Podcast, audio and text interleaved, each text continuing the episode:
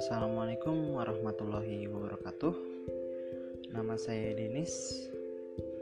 Hari ini saya akan bercerita tentang sejarah kurban.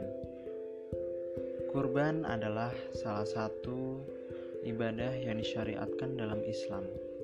Menyembelih hewan kurban sebagai sebuah ibadah memiliki latar belakang sejarah yang menakjubkan. Nabi Ibrahim alaihissalam menerima wahyu dalam bentuk mimpi yang memerintahkan agar dirinya melakukan penyembelihan terhadap anaknya, Ismail. Maka tatkala anak itu sampai pada umur sanggup berusaha bersama-sama Ibrahim, Ibrahim berkata, Hai anakku, sesungguhnya aku melihat dalam mimpi bahwa aku menyembelihmu. Pikirkanlah apa pendapatmu. Ia menjawab, Hai bapakku, kerjakanlah apa yang diperintahkan kepadamu, insya Allah kamu akan mendapatiku termasuk orang-orang yang sabar.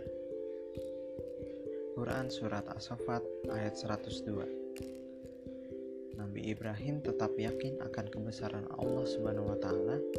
Nabi Ibrahim memahami bahwa ia akan kehilangan buah hati yang dicintainya, Ismail.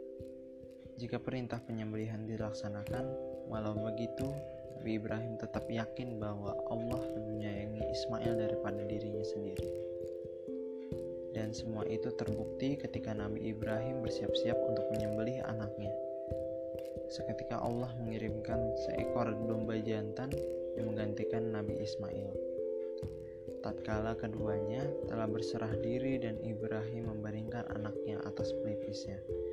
Kami berseru dan memanggilnya, Hai Ibrahim, sesungguhnya kamu telah meyakini mimpi kamu itu sesungguhnya itu.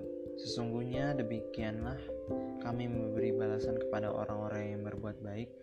Sesungguhnya ini benar-benar merupakan ujian yang nyata.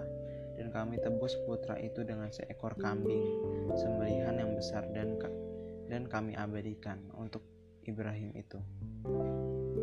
Ujian baik di kalangan orang-orang yang datang kemudian kesejahteraan dilimpahkan atas Nabi Ibrahim alaihissalam. Quran surat As-Saffat ayat 103 sampai 109. Itulah kecintaan dan ketaatan Nabi Ibrahim kepada Robnya yang dibuktikan dengan menjalankan perintah-perintah Allah walaupun perintah tersebut sangat berat dan harus mengorbankan seorang anak yang dicintainya. Ibadah kurban sesungguhnya bentuk kepas kepasrahan seorang hamba kepada Allah untuk mendekatkan diri kepadanya. Sekian dari saya. Wassalamualaikum warahmatullahi wabarakatuh.